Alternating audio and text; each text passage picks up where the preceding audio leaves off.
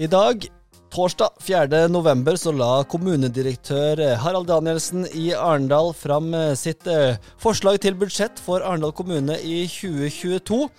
Og der var selvfølgelig vår eh, eminente journalist Sindre Haugen Mehl til stede. Og sånn jeg kunne se det, så skulle de ikke kutte i stillinger. De skulle ikke kutte noen skoler, og de skulle heller ikke kutte eiendomsskatten. Hva, Skulle de kutte noe, eller var det noe som var nytt i, hele, i det hele tatt? De skulle heller ikke øke eiendomsskatten, som mange frykta. Eh, det som det endte med her, er jo at eh, kommunedirektøren legger fram et eh, budsjett med et positivt eh, driftsresultat på nesten 100 millioner kroner. Og det er jo ganske annerledes enn det som har vært de par siste åra, der det har vært snakk om at man må hente inn mange hundre millioner kroner for å få budsjettene i økonomiplanperioden i balanse. Så han tror de går i pluss rett og slett i 2022? Ja, altså, ja, altså han legger opp til at kommunen kan gå nesten 100 millioner kroner i pluss. Mm. Men det betyr jo ikke at eh, kommuneøkonomien er friskmeldt, ifølge kommunedirektøren. Fordi eh, kommunen har fortsatt eh, lite penger på fond, altså på, på sparekonto sammenligne med hva som er anbefalt. Um, ok, Så de har mindre enn andre kommuner, typisk? eller sånn? Sammenlignbare kommuner. Ja. Eh, kommuneorganisasjonen eh, KS, som er da kommunens interesseorganisasjon, de anbefaler at en kommune på Arendal sin størrelse bør ha 300 millioner kroner på bok, i tilfelle vaskemaskina ryker osv. Men Arendal kommune har bare 100 millioner ca. Det ligger i, i den finansielle eh, måltallet for kommunen.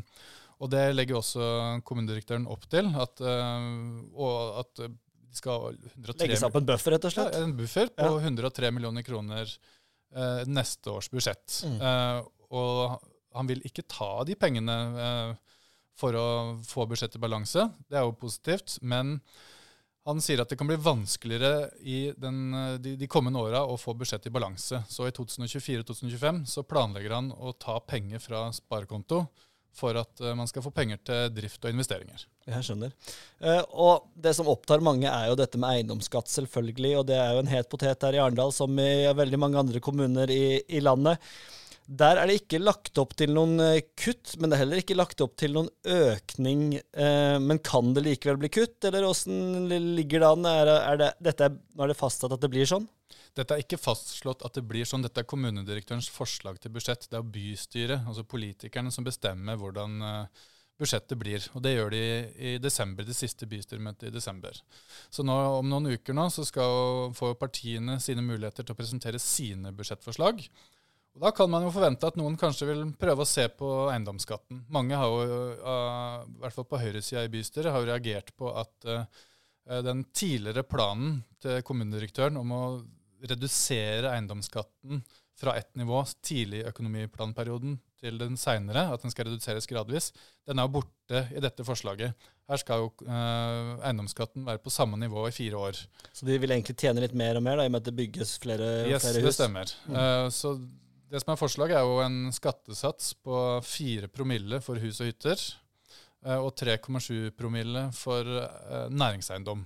Og Det er jo det samme som var, ble vedtatt av posisjonspartiene i altså flertallet i bystyret i fjor. Ja, er, og da er det, jo, det er jo bunnfradrag, og det er eh, mange, mange, ting som skal inn i dette eiendomsskattet. Bunnfradrag og reduksjonsfaktor. Og, ja, vi må ikke ja, glemme nei, reduksjonsfaktoren. det er jo det er til å gå seg bort i den jungelen i eiendomsskatt. De som vil vite fag. mer om det, kan jo lese mer på Agderposten om akkurat det. Absolutt. Um, jeg hørte også, jeg leste ditt referat fra, eller din sak fra uh, han la dette fram, og da beit jeg meg merke i et sitat han hadde, Harald Danielsen, hvor han sa at det var nesten parodisk å liksom legge fram planer fordi det er så uforutsigbart. Hva, hva, hva var det han mente med det? Jo, eh, Tidligere i år, i juni, så la jo eh, kommunen fram en prognose om hvordan de trodde neste år kom til å bli. Eh, og da eh, var anslaget at eh, kommunen kanskje måtte spare 100 millioner kroner for å få neste års budsjett i balanse. Og, nå, og det var så sent som i juni i år? Det var så sent som i juni i år. Og nå er jo plutselig anslaget at man kan få nesten 100 millioner kroner i positivt driftsresultat. Og det syns jo kommunedirektøren er krevende å stå og fortelle om. For mm. det, det, det, er ikke så lett for folk å forstå. For dette har jo med rentenivå og skattesats, og nå også et regjeringsskifte. Ikke minst. Som mm. med Arbeiderpartiet og Senterpartiet i regjering, så har de varsla at de ønsker å styrke kommuneøkonomien. Og det har rådmann, rådmannen, eller kommunedirektøren, da bitt seg merke i. Så han har altså lagt inn i sitt budsjett at uh, Arendal kommune skal få 30 millioner kroner ekstra i ramme fra staten neste år. Ok, Så dette er noe som uh, regjeringen har varsla at de skal gjøre? da, eller? De har varsla at de skal gjøre noe, men man veit jo ikke hva. Okay. Så råd, kommunedirektøren har jo da en forventning om, som han sier, at en kommune som Arendal skal få minst 30 millioner kroner mer fra staten neste år. Uh, hva, gjør da, hva, gjør han da hvis plutselig flertallet på Stortinget sier at det er vi ikke enig i? Jo, Det er jo det interessante her. da. Det er jo et litt sånn uh, spesielt budsjettgrep å, å, legge inn en føring om uh, penger man kanskje ikke vet kommer. Mm. Dette blir jo presentert av regjeringa på mandag, hvordan de vil legge opp sitt, sin tilleggsproposisjon til statsbudsjettet mm. som Erna Solbergs regjering la fram. Eh, det er jo sånn der at det er den forrige regjeringa ved et regjeringsskifte som legger fram budsjettet for neste år, mens den nye regjeringa kan komme med tillegg og merknader. Ja. Og Det kommer regjeringa til Støre til å gjøre på mandag. Men det skal jo forhandles om i Stortinget, og så skal det vedtas. Så det er jo litt sånn i det blå. Så det er egentlig er det å sitte og håpe på eh, at eh, det stemmer, stemmer, det som kommunedirektøren forventer. Mm. For hvis ikke, så sier han at da er vi nødt til å ta de 30 millionene som vi har lagt inn i budsjettet Fra bufferen! Fra bufferen. Og det er ikke så bra. Nei. Eh, men sånn oppsummert her, da. Nå eh, er det kom, kommuneøkonomien. Vi har hatt krigstyper her i Agderposten hvor man må spare 300 millioner, 100 millioner. og det har sett ganske bekmørkt ut. Er følelsen fremdeles den samme, eller er det litt lysere for Danielsen nå om dagen? Eh, det kan hende det føles litt annerledes. fordi at, uh, at, det er jo forskjell på å legge fram et budsjett der man uh, skal kutte stillinger og spare penger og belaste innbyggerne med høyere eiendomsskatt, som man slipper nå. Ja, for I fjor på den tida så la han jo fram et budsjett hvor han skulle kutte titalls, nesten ja, 74 årsverk. Ikke sant? Uh, og det endte jo med at kommunen måtte kutte 70 årsverk mm. etter at bystyret behandla, endelig behandla budsjettet.